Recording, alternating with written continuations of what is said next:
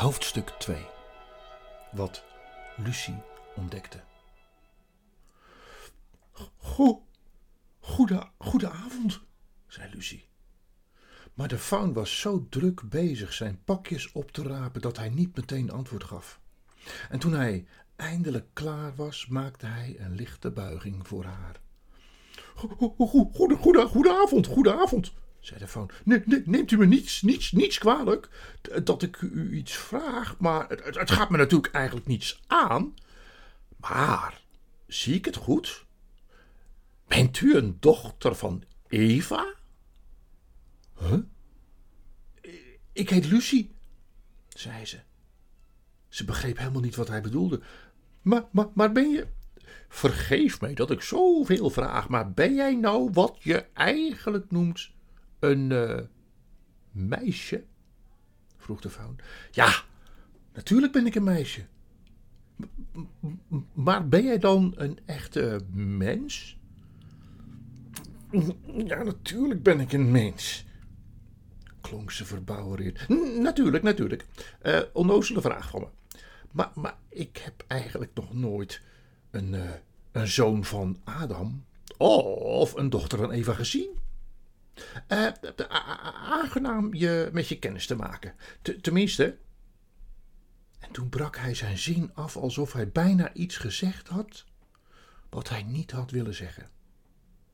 En er toch maar net op tijd aan dacht. Uh, aangenaam, aangenaam, praatte hij verder. Uh, sta me toe me, mezelf voor te stellen. Ja, ik heet Tumnus. Oh, maar ik vind het heel leuk om u te leren kennen, meneer Tumnus. Mag ik zo vrij zijn, o Lucie, dochter van Eva, hoe jij hier bent gekomen? Hier, ik bedoel in Narnia. Narnia?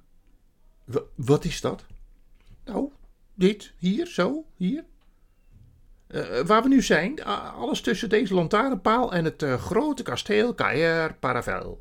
Aan de zee, in het oosten. En jij komt uit de wilde wouden uit het westen. Ik? Uh, ik ben gekomen door de kleerkast. In, in de lege kamer. Oh, zei meneer Tumnus. Hij was een beetje spijtig. Althans, zo klonk hij. Ja, als ik maar beter had opgelet met aardrijkskunde, toen ik nog een jong fauntje was, dan zou ik beslist van die vreemde landen afweten. Maar ja, daar is nou te laat voor. Hé? Maar dat zijn helemaal geen landen, zei Lucie. Die bijna in de lach schoot, want.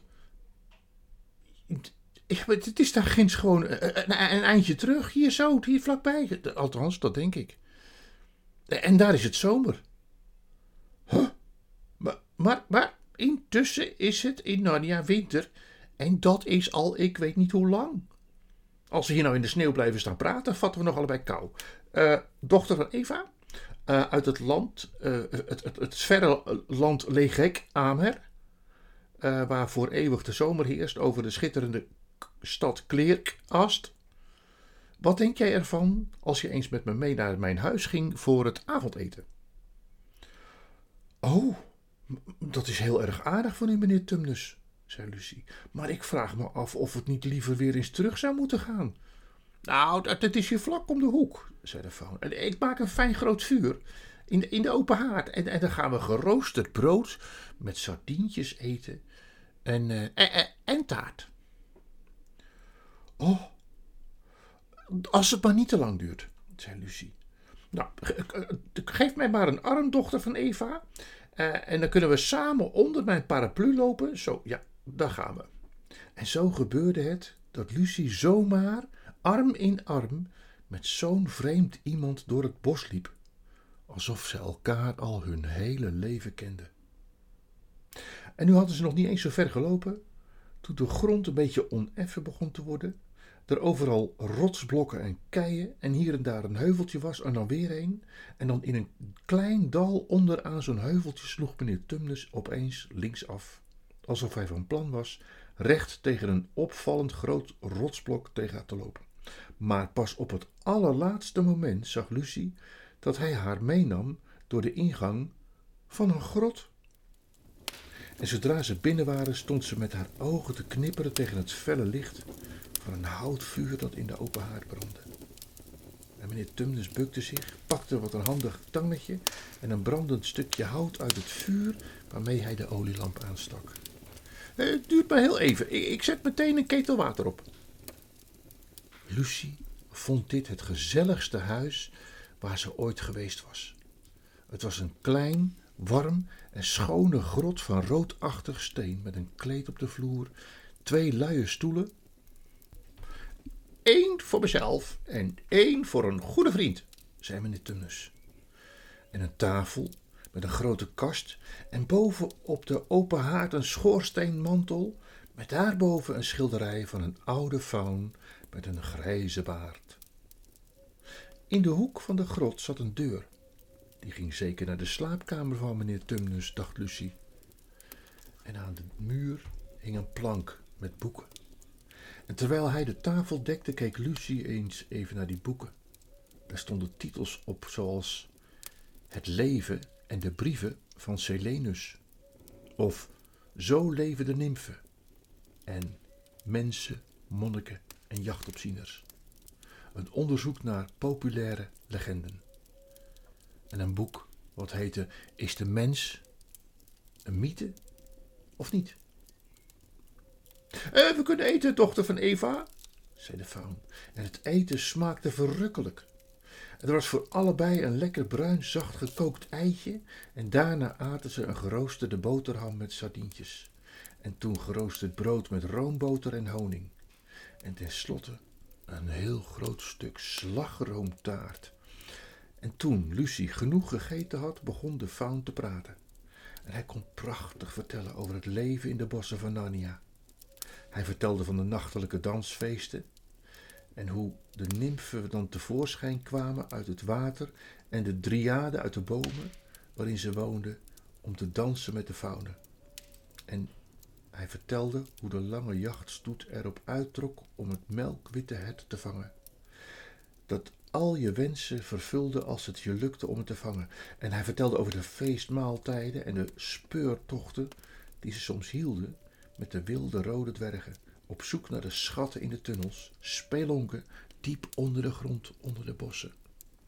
En dan begon hij weer te vertellen over de zomers en als de bossen groen waren en de oude Selenus hen op zijn dikke ezeltje kwam bezoeken. En soms kwam Bacchus zelfs ook mee.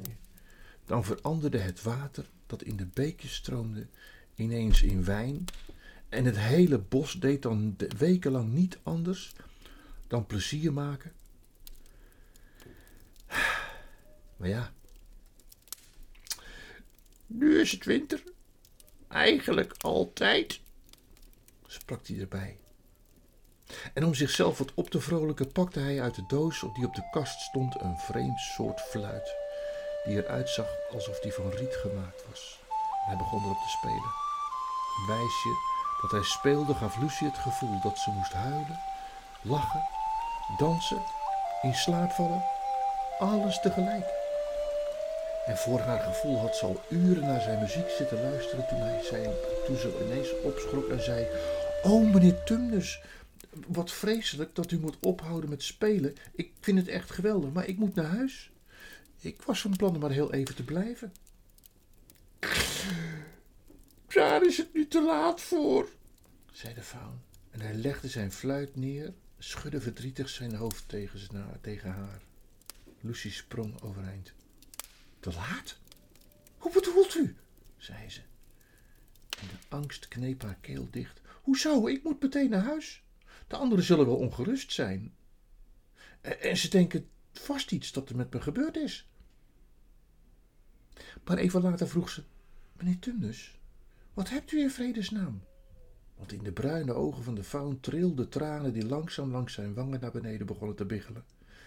Druppelde verder over zijn neus heen en tenslotte verstopte hij zijn gezicht in zijn handen en begon hartverscheurend te huilen. Meneer Tumnus, meneer Tumnus, zei Lucie geschrokken. Niet doen, niet huilen. Wat is er? Bent u ziek?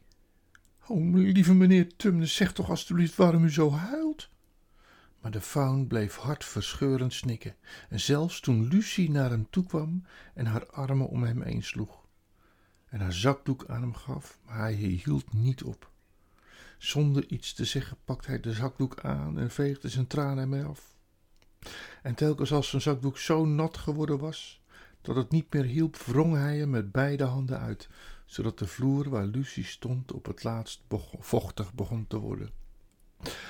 Tummers, schreeuwde Lucie. Ze schudde hem door elkaar. Hou op, hou ogenblikkelijk op. Je moest je schamen, zo'n grote faun nog wel. Waarom moet je nou zo huilen? Ik huil omdat ik een gemene vrouw ben. Je bent helemaal niet gemeen. Ik vind je juist een hele aardige faun. Je bent de liefste faun die ik ooit ben tegengekomen. Ja, maar als je alles wist, dan zou je dat niet zeggen. Nee, ik ben een slechte faun. Ik denk dat er in het begin van de wereld nog nooit zo gemene faun is geweest. En dan tot nu toe. Maar wat heb je dan voor gemeens gedaan? vroeg Lucie. Nou, neem mijn vader nou, mijn, mijn oude vader. Dat schilderij boven de schoorsteenmantel, dat is hij. Die zou wat ik gedaan heb in zijn leven nooit gedaan hebben. Wat dan? Nou, zoals ik aan het doen was. In dienst gaan bij de witte tovenares. Dat heb ik gedaan. Ik werk voor de witte tovenares. Huh? Wie, wie is dat? Nou, dat is degene die heel Narnia in haar, haar macht heeft. Door haar is het hier altijd winter. Altijd winter, maar nooit kerstfeest. Moet je nou eens voorstellen. Ja, dat is erg, maar, maar wat voor werk doe jij dan voor haar? Ja, dat is nog erger. Ik moet mensen voor haar ontvoeren. Een kidnapper, dat ben ik. Kijk eens naar me, dochter van Eva. Zou je dat nou van me denken dat ik een faun ben die in het bos een arm onschuldig kind tegenkom? Uh, een kind dat wat me nog nooit iets misdaan heeft en die dan heel aardig ik ga dan aardig worden. Ik nodig haar uit om mee te gaan naar mijn grot, om haar in slaap te brengen en dan te geven aan de witte tovenares. Nou, nee hoor, ik geloof er niks van. Dat, ik weet zeker dat jij dat niet zou doen. Ja, maar dat ben ik aan het doen. Nou ja, um, tja, um, dat is ook niet zo mooi van je. Maar je hebt er spijt van. Dat, dat zie ik. En, en ik weet zeker dat je dat nooit meer zult doen. Dochter van Eva, begrijp je nou nog steeds niet wat ik je probeer te vertellen? Het gaat niet om iets wat ik ooit gedaan heb. Ik ben er nu mee bezig. Nu. Hè? Wat bedoel je? Jij bent dat kind. De witte tovenares heeft me een opdracht gegeven dat als ik ooit een zoon van Adam of een dochter van Eva tegenkom in het bos, dat ik die zou ontvoeren en uitleveren aan haar, aan, aan, aan de witte tovenares? Jij bent de eerste die ik ooit heb gezien en ik heb net gedaan alsof ik vrienden met je wou zijn en ik heb je uitgenodigd om bij me te komen eten. Maar al die tijd was ik alleen maar van plan totdat je in slaap zou zijn gevallen en dan kon ik je aan haar uitleveren. Nou, maar, maar dat doe je toch niet? Kom op, meneer Tumnus, dat zul je toch niet doen? Echt niet, dat mag je niet doen hoor. Ja, maar als ik dat niet doe, dan komt ze erachter en dan laat ze mijn staart afhakken en mijn horens afzagen, mijn baard uittrekken en dan zwaait ze met haar toverstaf en dan word ik een beeld en weet ik veel. En dan wordt ze boos en dan verandert ze me in steen en, dat is er niks anders dan, dan een standbeeld van mij. En dat in het kille kasteel van haar. Ja, totdat er vier mensen twee zonen van Adam en twee dochters van Eva op de troon in Caer Paravel zouden gaan zitten. En ja, zeg mij maar wanneer dat is. Ik weet het niet. Um, ja, dat vind ik heel erg, meneer Tumnus. Uh, maar u moet mij naar huis laten gaan. Ja, natuurlijk laat ik je gaan. Natuurlijk. Dat zie ik nou ook wel in. Ik heb nooit geweten hoe mensen waren tot ik jou leerde kennen. Natuurlijk zou ik jou niet aan de witte tovenares verraden. Nu, nu ik je ken helemaal niet. Maar, dan, moet je wel, dan, dan moet je wel meteen weggaan. Ik zal je terugbrengen tot de lantaarnpaal. En dan, en dan van daar af moet je zelf maar de weg naar Legek Amer van Klerk Ast wel terugvinden. Toch? Oh, vast wel. We moeten zo onopvallend mogelijk gaan, zei meneer Tumnus. Het hele bos wemelt van spionnen, haar spionnen. Zelfs de bomen heeft ze aan haar kant. Ze stonden allebei op en lieten de borden en de kopjes vuil op de tafel staan. En opnieuw stak meneer Tumnus zijn paraplu op, gaf Lucie een arm en zo stapten ze weer naar buiten de sneeuw in. De terugweg was totaal anders dan de weg naar de grot van de faun toe. En ze slopen zo snel ze konden voort en ze zeiden geen woord. En meneer Tumnus nam het donkerste paadjes. Het was een hele opluchting voor Lucie toen ze weer terugkwamen bij de Landstraatlantaarn. Kun, je het hier vandaan zelf vinden, dochter van Eva? Mm, ja, ik denk dat ik daar de deur van de kleerkast zie. Loop zo hard je kunt naar huis. En wat je van plan was, moet je doen. Kun je me ooit vergeven? Tuurlijk vergeef ik je. En ze schudden elkaar hartelijk de hand. En ik hoop dat je maar geen vreselijke narigheid hiervan krijgt. Vaarwel, dochter van Eva. Vind je het goed dat ik die zakdoek van je bewaar? Tuurlijk, zei Lucie. Ze rende in de richting van het plekje waar het daglicht daar ginds in de verte was en zo snel haar benen haar konden dragen. En al gauw voelde ze geen ruwe takken meer, maar jassen. En in plaats van knerpende sneeuw voelde ze houten planken weer onder haar voeten. En ineens sprong ze uit de kleerkast, in de lege kamer, waar het hele avontuur met haar begonnen was. En ze deed de kastdeur dicht ze liep naar de deur van de kamer, hijgend. Het regende nog steeds en op de gang hoorde ze de stemmen van de anderen. Hier ben ik weer. Hallo. Nou, ik ben weer terug hoor en uh, alles is goed met me.